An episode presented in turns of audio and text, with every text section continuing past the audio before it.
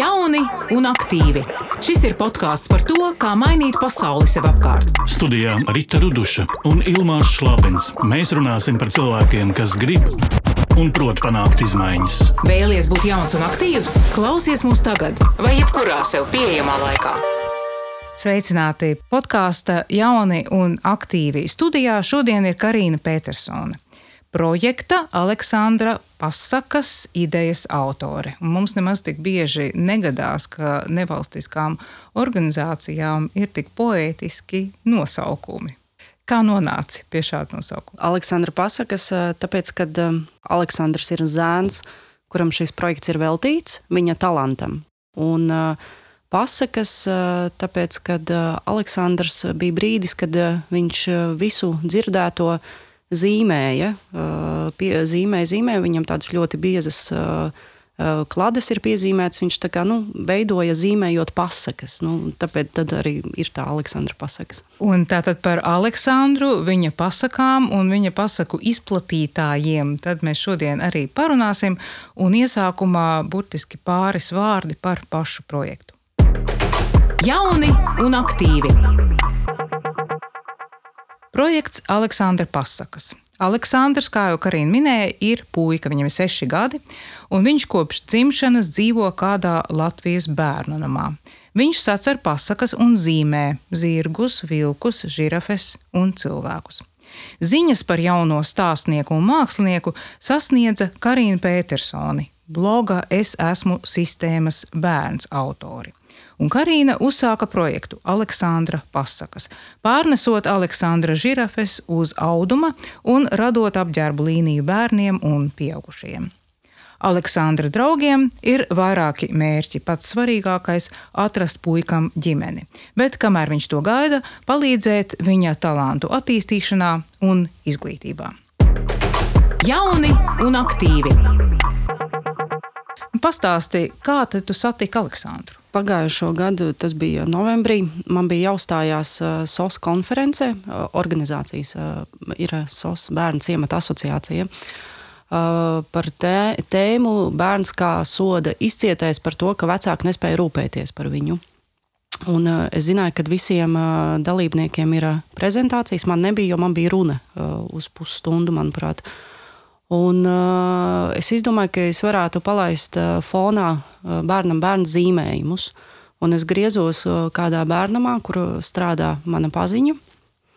Uh, satikos ar uh, vadību, un, un, un mani jau tur pretī sagaidīt, uh, bija daudz zīmējumu, un bija atsevišķi mapīti ar zīmējumiem, kuri bija Aleksandra zīmējumi. Jo nu, viņa, viņa talants zīmēšanas arī bija tāds uh, bērnamā slavens. Viņam pat uh, bērnam telpās bija uztaisīta izstāde. Un tad es prasīju, kurš, kurš šos zīmējumus ir zīmējis. Un tam man tā darbinieca teica, nu jā, ka tas ir uh, tādā laikā piecgadīgs puika. Un ka viņš ir ļoti talantīgs, ļoti gudrs, bet slimiņš. Nu, kā, nu, viņu, viņam ir saistībā ar kustību traucējumiem ierobežojumu, un viņu ielika tādā rāmī. Un, nu, tā es arī par viņu uzzināju, ka viņš ir ļoti talantīgs. Mūsu klausītāji to neredz, bet var paskatīties. Pēc tam Facebookā ir fotografija no šī podkāsta. Tev ir arī mugurā krekls ar Aleksandra zīmējumu. Varbūt tu vari aprakstīt tieši šo zīmējumu. Tas ir zirgs, Tas bija, bija otrais zīmējums, ko, ko es ieraudzīju no Aleksandra zīmējumiem. Mēs viņu izvēlējāmies arī kā projekta simbolu, jo zirgs ir nu, kas skrien uz priekšu, grib, nu, mums tā sasējas kopā, ka tas ka skrien uz priekšu, grib dzīvē uzzināt daudz ko jaunu. Un tas ir arī tas, ko nu, mēs novēlējam, novēlam Aleksandram, nu, kad viņam ir iespējas nākotnē attīstīties, iet uz priekšu un augt. Tā, nu, tā. Tu teici, jūs, nu, mēs tur novēlam, mēs vēlamies. Kas, kas ir tie cilvēki vēl, kas eh, līdzdarbojas šajā projektā? Man projekts sākumā ļoti, ļoti daudz palīdzēja mākslinieca Agnēs Kurzemniece. Bez viņas nebūtu iespējama arī projekta identitāte. Viņa arī kā brīvprātīgā devās uz bērnu zīmēt, nu, mācīt zīmēt Aleksandram. Tad ir tā pati bērnam darbiniece, kura arī ļoti iesaistījās. Tas, nu, tas pulciņš jau tāds, tagad jau viņš ir liels, sākumā mēs bijām tāds ļoti maziņš, un tagad jau ļoti daudz cilvēku ir tā, nu, iesaistījušies gan morāli, gan iespēju robežās, kā nu, palīdz. Un ir pagājis gads. Jā? Gads, jā. Un kas šajā gadā ir mainījies? Pirmais, pats svarīgākais, arī ko es gribēju parādīt, es gribēju parādīt, kad uz cilvēku vajag skatīties uz viņa vērtību, uz viņa talantu, nevis uz kaut kādiem, nu, ir, protams, faktori, kuri ir jāciena, bet tos nevajag primāri izvirzīt. Un, uh, ir ļo, gadu laikā ļoti daudz cilvēku ir ieraudzījuši Aleksandra zīmējumus un redz to viņa talantu un saka, jā, ka viņš tiešām ļoti skaisti zīmē. Un par pašu Aleksandru, nu, protams, viņa dzīve ir, cik es drīkst arī stāstīt, viņa dzīve ir ļoti mainījusies. Viņš mācās, mācās tagad burtus, nu, dzīvo tādu, es teiktu, diezgan pilnvērtīgu dzīvi attīstības ziņā. Pastāstīja, kā nonāci no prezentācijas ar bērnu zīmējumiem līdz apģērbam. Bija taču, acīm redzot, kaut kāds starposms, kad šī ideja tiksim, vizualizējās. Nu, bija tā, ka es, man pašai ir darbnīca šūšanas, un es visu laiku domāju, ka es gribētu kaut ko tādu uztaisīt uh, interesantu, uh, bet auduma izvēle ir ļoti tāda, nu, maza. Vis, nu, vi, visi, kas Latvijā šoji tie audumi atkārtojās un ir, ir līdzīgi. Un man pirms tam bija tā doma, es visu laiku domāju, ko darīt, ko darīt, tad es uh, iepazinu Aleksandra zīmējumus, un tam man tā kaut kā galvā sasējās kopā. Uh, o, es varētu uztaisīt uh, tādu, tādu apģērbu līniju, kur un, nu, parādīt viņa to vērtību un talantu. Un, un, un, un, un, un, un, un pierādījis arī nu, nu, ir tā sekundārā, sekundārais pienesums, ir, kad peļņa aiziet viņam. Bet nu, jā, vienkārši tas, kad sasējās kaut kā, es teiktu, liktenīgi sasējās kopā, kad uh, man bija tā doma, ka es varētu, gribu kaut ko foršu uztaisīt, un tad es iepazinos ar šiem zīmējumiem, un à, jā, šis ir tas, ko es varētu uztaisīt. Un ko pats Aleksandrs par to Kā viņš reaģēja uz šo situāciju? Sākumā viņš bija ļoti iesaistījies. Viņu nenormāli interesē. Viņš arī logo izvēlējās, kas viņam tur labāk patīk. Un tā. Un, uh, viņš bija ļoti pārsteigts, vai tiešām cilvēkiem patiks un uh, vai pirks. Uh, tad kaut kādā brīdī viņam apnika. Nu, viņam seši gadi, viņam cits aktualitātes, tur labelēts un tā. Uh, Uh, bet uh, tagad, kaut kad pirms diviem mēnešiem, viņš atkal uh, sāka pārmest, kad pārāk daudz atkārtojās zīmējumi, kad zirgs ir gan uz kleitām, gan uz teikrekliem, gan uz garo krekliņiem, ka viņš tomēr zīmējot vairāk, viņam esot ļoti daudz zīmējumi, un kad vajagot vēl nu, citus kā, likt virsū. Un tagad jau viņš tā, nu, Viņam ir arī no, no visa, kas ir, viņam ir viens nu, viņa apģērba gabals. Viņš pieņem, ka tā ir tāda viņa dzīves daļa. Bet par sistēmas bērniem, par bērniem, kas atrodas bērnu namos, institucionālā aprūpē, tu esi domājusi, rakstījusi, interesējusies arī agrāk. Kā Aleksandra stāsts mainīja tevi pašu kā cilvēku, un ko tu uzzināji varbūt jaunu par uh, sistēmu. Tie ir divi varbūt lieli jautājumi, bet nu, mēģināsim tā secīgi vien pēc otra. Uh, nu, tieši Aleksandra stāsts, uh, viņš man ir, viņš ir ļoti, ļoti daudz mainījis manu skatījumu uh, uz cilvēkiem uh, tīri. Uh, es vairāk sāku paskatīties, cik ļoti daudz ir uh, diskriminēti cilvēki, ja ir kaut kādas kustību traucējumi, īpašās vajadzības. Un, cik tas tā, nu, man tas, nu, tā bija tā daļa, ko es nekad tā nebiju aizdomājusies, jo tajā bērnamā, kur es augu, tur nebija bērni ar īpašām vajadzībām. Un, un tas ir kaut kā, nu, Aleksandrs stāsts man ir ievedis tādā pasaulē, ka es ļoti daudz skatos un arī cik varu iesaistos, lai nu, visi cilvēki varētu dzīvot līdzvērtīgi. Un par pašu sistēmu. Um, nu, sistēma pa lielam, nu, ja runā tieši par īpašajiem bērniem, uh, viņi, uh, viņi, nu, viņi uh, pirmkārt, viņa sistēma nespēja uh, attīstīt viņu potenciālu, un, jo tur ir ļoti vajadzīga individuāla uzmanība. Un otrkārt, ļoti, ļoti maz cilvēku sistēmā tic, ka īpašie bērni var nokļūt ģimenēs. Un ģimenēs jau nu, ir.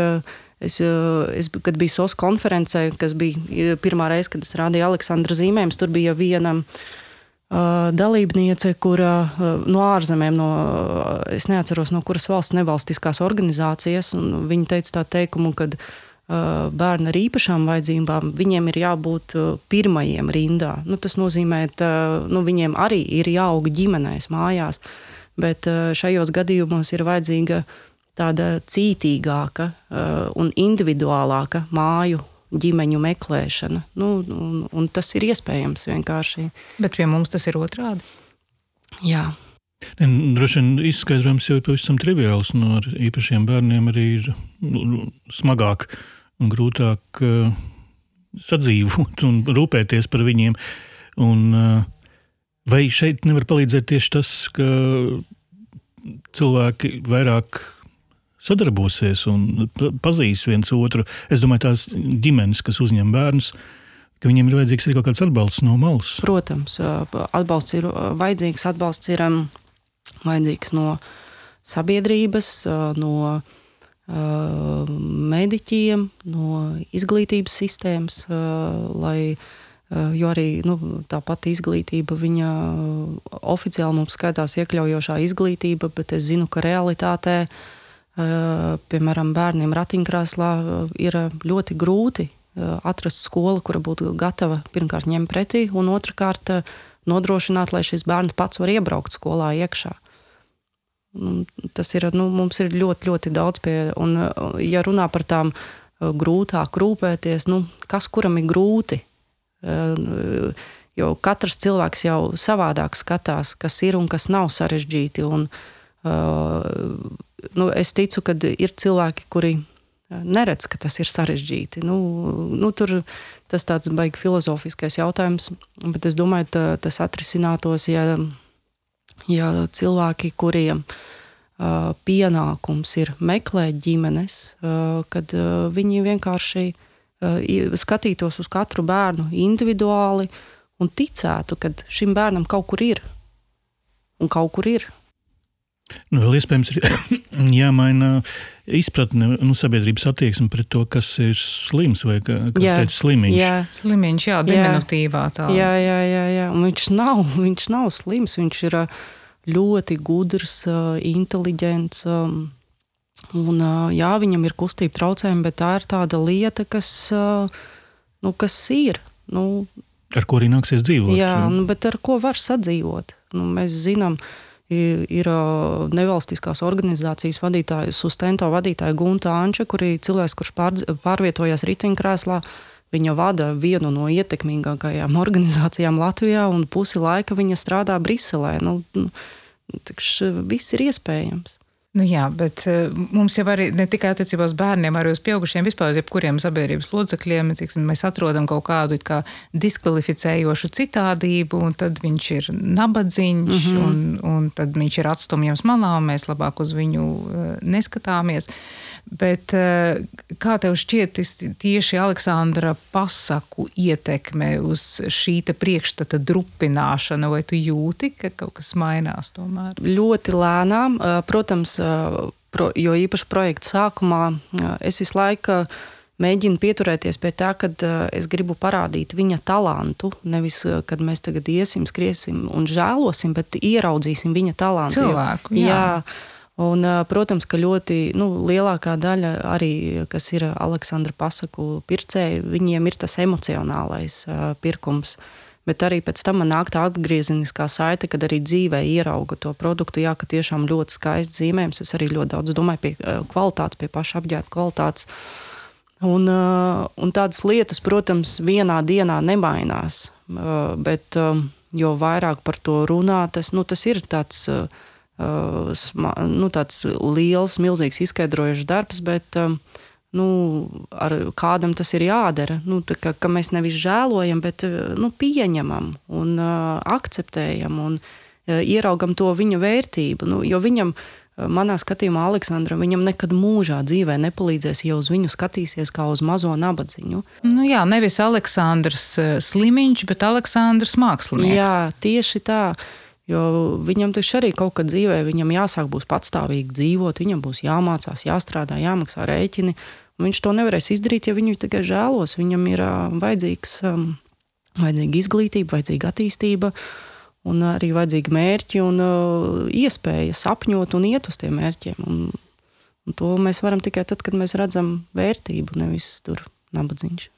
Kas šai nozīmē, mm, ir slikts bērnu namos? Nu, ja mēs, mēs, mēs esam runājuši mūsu podkāstā par šo ideju atbrīvoties Latvijā no bērnu namiem vispār.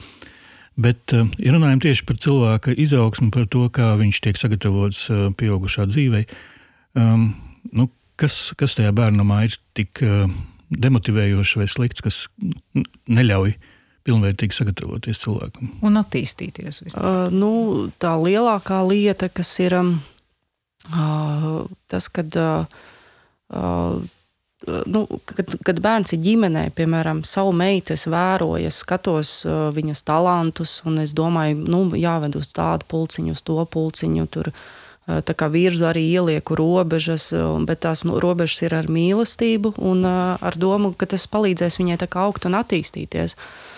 Bērnamā tie ir darbinieki, kuriem viņi mājās saviem bērniem meklēs tos talantus un attīstību. Un, Un, un principā sistēma kā tāda, arī pat tagad, kad domā pāriet uz astoņiem bērniem vienā grupā, uh, Bet uh, tev nebūs tas viens, nu, viens cilvēks, nu, minimums viens. Maksimumā ir tētis, māma, vecmāmiņa, vectētiņa. Bet kaut vai ja tev ir viena mamma, kura domās tieši par tevi, kurai rūp tava nākotne, tava attīstība, bet bērnam ir audzinātāji, kuri bieži arī mainās. Un tie cilvēki mainās, un nav tās pašas piesaistes, un nav kāds, kuram rūp tava nākotne. Nu, viņam ir svarīgi, lai tu ievēro konkrētās dienas robežas un normas, un, bet nedomā tādā ilgtermiņā.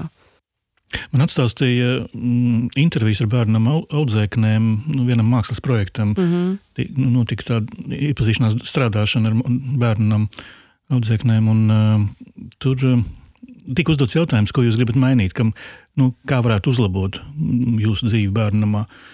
Un uh, viņas teica, nē, viss kārtībā, viss labi. Tikai mazāk to audzinātāju vajadzētu.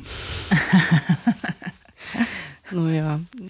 Nu, kādā vecumā bija? Nu, tās jau bija pusaudzes. Tās jau bija pusaudzes, acīm redzot. Savādāk, bet, protams, ka tajā sākuma attīstības stadijā tieši 5, 6 gadi, tad, acīm redzot, bet es arī teikšu, nu, es arī teikšu, tad pusaudžu vecumā, nu, protams, es domāju, ka arī mani bērni, ka viņi būs tīņi, viņi, viņiem būs brīdis, kad es viņiem nepatikšu. Mazāk māmas vajadzētu. Jā, viņiem, jā. mazāk māmas, bet kaut kādā brīdī, nu, tad, kad atkal jau attiet viss tas tīņu trakums, tad jau tomēr kaut kur zemapziņā iesēžās tās lietas, ko tev vecāks arī tādā tīņa vecumā mēģinājis nu, stāstīt, ielikt.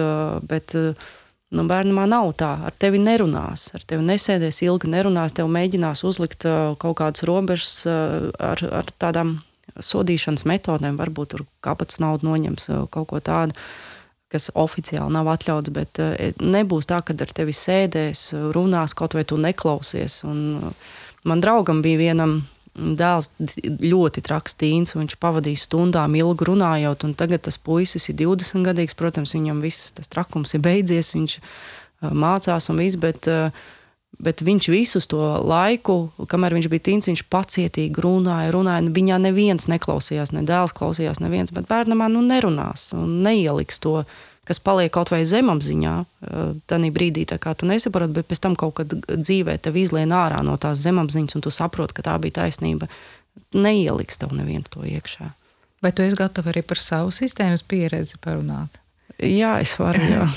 Kas ir, ko tu izjūti kā vislielāko caurumu sevī, kā personības attīstībā, kas ir palicis no sistēmas? Nu, es esmu diezgan daudz strādājis ar sevi. Es esmu arī daudz gājusi pie terapeitiem un tā. Un, bet, nu, piemēram, uz šodien skatoties, nu, man ir būt grūti, man ir grūti būt mammai.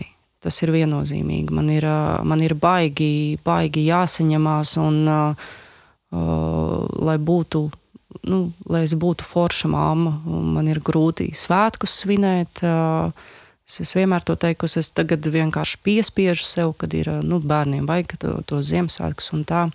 Tev trūkst pieredzes, atmiņu par to, kas ir ģimene? Uh, nu, man ir ļoti labs atmiņas, kad es biju mājās ar māmu.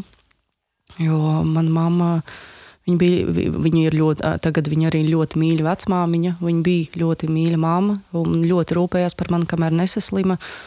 Uh, bet uh, man, svēt, man ļoti nepatika tā sajūta bērnamā, kad es biju uh, viens no bara. Man nebija tādas uh, piederības sajūtas, un svētkos es to ļoti spēcīgi izjūtu, ka man draugi tur pilsētā bija mājās, ģimenēs. Un, uh, nu, mēs bijām ļoti daudz bērni. Un, um, un man nepat, nu, vienkārši man nepatika tā sajūta. Un līdz ar to man gadiem ejot, man visu laiku vilkās līdzi, kā tuvojās kādi svētki. Nav tās intīmās, uh, personīgās sajūtas. Bet svētki vispār radīja tādu drīzāk negatīvas izjūtas un konotācijas, Jā. nevis uh, pacelātību. Jā. Ja? Un pat arī, kad bija brīdis, kad es uh, dzīvoju pie savas vācu valodas skolotājas, kur brīnišķīgi svinēja svētkus, un tagad uh, tas tā mana zemapziņa, es cenšos to pašu ieviest savā ģimenē. Bet arī tur, uh, sēžot pie galda, es vienmēr jūtos lieka. Nu, kā, ka es esmu liekais, ka es šeit nepiedaros. Bet tie cilvēki jau man ar mīlestību uzņēma, bet tajā brīdī es to vienkārši nespēju saprast. Un, Nu, jā. kā iet ar svētku svinēšanas piespiešanu? nu, galvenais ir pirmo soli izdarīt. Tas ir, nu, pēc tam jau aiziet, bet tas pirmais, tu iziet cauri tam, ah, negribu, negribu, nevaru. Tur tas jādara, bet tad, kad izdara, nē, viss tagad es darīšu, tad jau aiziet. Bet ir ļoti grūti to pirmo soli izdarīt. Bet nav vairs tādas sajūtas pie galda sēžot savā ģimenē, nu, ka es šeit neesmu. Nē, iedarīgi. tas nav, paldies ah, nu, Dievam. Tas jau jā, jā, jā, brīnišķīgi. Tas nav, jā. Nu, jā, bet tas ir tāds arī gadiem ilgs darbs un pašanalīze. Un nav daudz, nu, nav, es atzīšu to, ka nav daudz arī no bērniem, bērniem kas ir izgājuši, kas spēj pēc tam to visu tā kritiski un analizējoši iziet cauri sev. Vai tu saglabā arī saikni ar saviem bērnam, biedriem, draugiem, ar kuriem tu kopā dzīvo? Minimāli, bet jā. Tad, kad es aizgāju prom no bērnam, es aizslēdzu durvis. Nu, es par to vispār negribu domāt un atcerēties. Bet uh, it sevišķi pēc uh, tā, kad es uzrakstīju blogu, mēs atkal tur sākam komunicēt. Un, uh, bet uh, es neteikšu, ka mums ir tādas uh, ciešas attiecības, bet nu, mēs, nu, iela, ga, tie, ar kuriem es komunicēju, garām nepaz, nu, nepazīstot, mēs nepaietu viens otram garām. Bet nu, jums ir salīdzināma pieredze, un varbūt jūs arī kopīgi varat tiem šīs dienas sistēmas bērniem tādā veidā līdzi? Uh, nu, uh, ir tā, ka uh, ir daļa, kuri ne, nu, lielākā daļa negrib atgriezties atmiņās. Uh, un arī lielākā daļa ar tiem, kuriem es kontaktēju, viņi vienkārši negrib pie šī jautājuma atgriezties, jo tā pieredze nu, nav baigta foršā.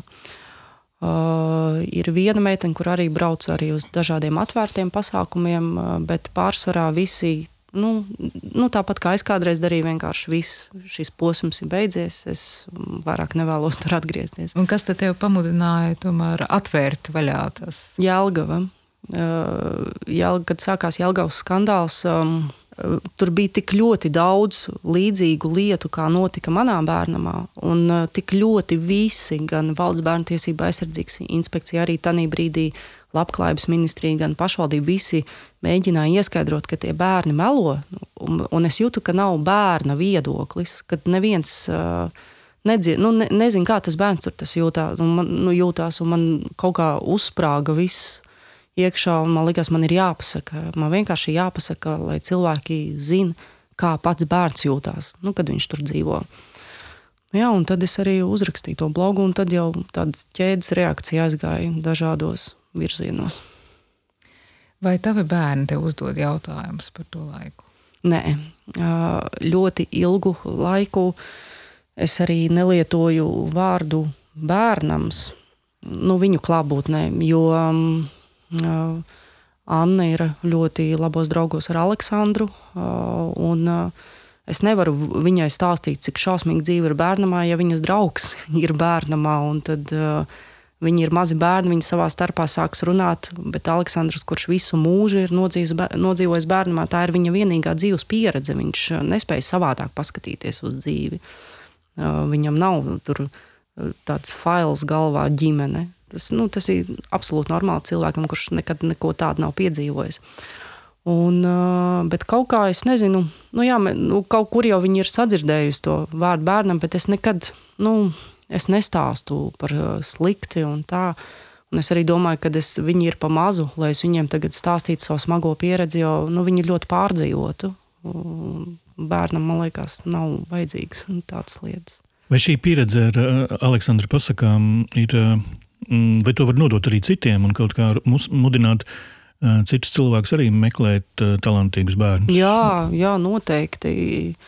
Jo es jau arī domāju, kaut kādā brīdī pie, pieķerties arī kādam citam bērnam. Vienkārši man tagad fiziski nav laika. Bet noteikti, noteikti to vajag darīt. Un, un tas arī, ko es vienmēr saku, jo tagad Latvijā ir tā, tāda situācija, kad uh, cilvēks skaļi atzīst, ka bērniem nav jādzīvo bērnamā, tas modelis vienkārši nav piemērots bērnam. Nu, nav, tur neko nevar, jo īpaši īpašam bērnam, kur ir vajadzīga, ir vajadzīga stiprāka uzmanība. Uh, un, bet cilvēki, viņi piekrīt, ka bērniem nav jādzīvo bērnamā, bet viņi ļoti, lielākā daļa piekrīt tādam abstraktam jēdzienam, jo ļoti liela daļa nemaz nav satikuši bērnam bērns. Viņi nezina, kas ir šie bērni. Viņiem ir kaut kāda sava tā vizualizācija galvā iedomāta, bet realitātē tas ir pavisam cits bērns. Un tad es arī vienmēr aicinu, ka, uh, ja tiešām grib palīdzēt bērnam, bērniem, tad uh, kaut vai vienu reizi aiziet uz to bērnu. Bet ar vienu reizi, protams, nepietiks. Tur vajag iet vairākas reizes, lai tu ieraudzītu reālu bērnu, kurš ir uh, Bērns ar saviem niķiem, stiķiem, ar visu, arī apakšā ar visu to, ko ir pārdzīvojis. Bet tas, ko es aicinu arī, lai vai ko ierauga, paskatīties dziļāk, jo katrā bērnā ir tā sava vērtība un talants. Un vienkārši uh, nobrucināt sev nostādes no acīm sieniņas un ieraudzīt to talantu un vērtību. Un tad, kad jau viens cilvēks ierauga vienā, tad jau tā ķēdīte baigs smuki aiziet, tālāk tad aiziet. Nu, tad var kaut vai ne projekts, bet tu stāsti uh, citam par šo bērnu, par to talantu. Un tas, tas, manuprāt, arī ir veids, kā teikt, patīrīt bērnamus. Jo, teiksim, nav varbūt iespējas, eh, ne visiem ir iespēja mm. teiksim, eh, uzņemties augu ģimenes pienākumus, bet ir dažādu līmeņu iesaiste. Jā. Ja, tas, ko tu gribi jā. teikt, ja, ka vajag vienkārši atrast to savu bērnu vai bērnus. Uh, ar kuriem varētu strādāt. Bet ko, nu, ko nozīmē aiziet uz bērnu namu? Nu, kā, kā tas notiek? Tas taču nav muzejs, kur katrs var iet, nu, iet un skatīties. Ne, nu var, var pieteikties kā brīvprātīgais kaut vai tur. Nezinu, divas stundas nedēļā kaut ko iziet ārā ar bērniem. Uh, Tur, tur ir kādas apmācības pārbaudes? Uh, ir pārbaudes. Manuprāt, Labklājības ministrijas mājaslapā var redzēt, bet tas ir par aprūpas centriem. Es, es gan mēģinātu meklēt arī, ja kāds klausās no pilsētām, kur ir pašvaldību bērnami. Es domāju, ka aizejot pie bērnam vadītājas, vienkārši mēģināt atrast to veidu, kā varētu kaut vai nu, vienkārši nu, tur aiziet ciemos. Protams, ka tas nav muzejs bet arī mēs nevaram tēlot, ka šo vietu nav. Uh, jo nu, kontakts ir vajadzīgs visiem. Un, un, un, un uh, nezinu, tur. Nu, manā bērnamā, kas bija mums iesaistījās, uh, tā bija labā lieta. Mums iesaistījās, piemēram, no mūzikas skolas skolotājs. Viņš vienkārši brauca pie mums, tur vadīja mūzikas nodarbības. Tur gan ar varu bija visi jādzina iekšā, nu, tāpēc, ka neviens negribēja iet. Bet, Bet tomēr, ka viss sanāca, tas bija baigi forši. Nu, tas bija tas veids, kā viņš atrada veidu, kā, kā, kā varētu būt, kaut ko darīt noderīgu. Bet, protams, es nesaku, ka, ka visiem tas ir pienākums, bet es vairāk aicinātu uh, to nu, nežēlot kaut ko abstraktu. Ja tu gribi iesaistīties, tad ieraudzīt reālu cilvēku, nevis tādā abstraktā nezinu, nezinot, kas vispār tas ir. Bet uh, tava pieredze ir tāda, ka bērnam vadītāja vai teiksim, atbildīgās amatpersonas ir atvērts dažādi Ne visur, veidu, ne visur. Es zinu uh, bērnams, kuri ir ļoti atvērti, uh, un ir, uh, kuri, nu, kuri būs arī ļoti tādi uh, noliedzoši, bet nu, tagad tas labais ir tāds, ka visi baidās nu, būt tādi ļoti kategoriski noliedzoši, jo ir mainījusies, vismaz tā lielumā, ir mainījusies sabiedrības attieksme, un mēdīju uzmanība ir ļoti liela. Bet, protams, kad ir tādi, kuri nelabprāt nu, ir uz sadarbību.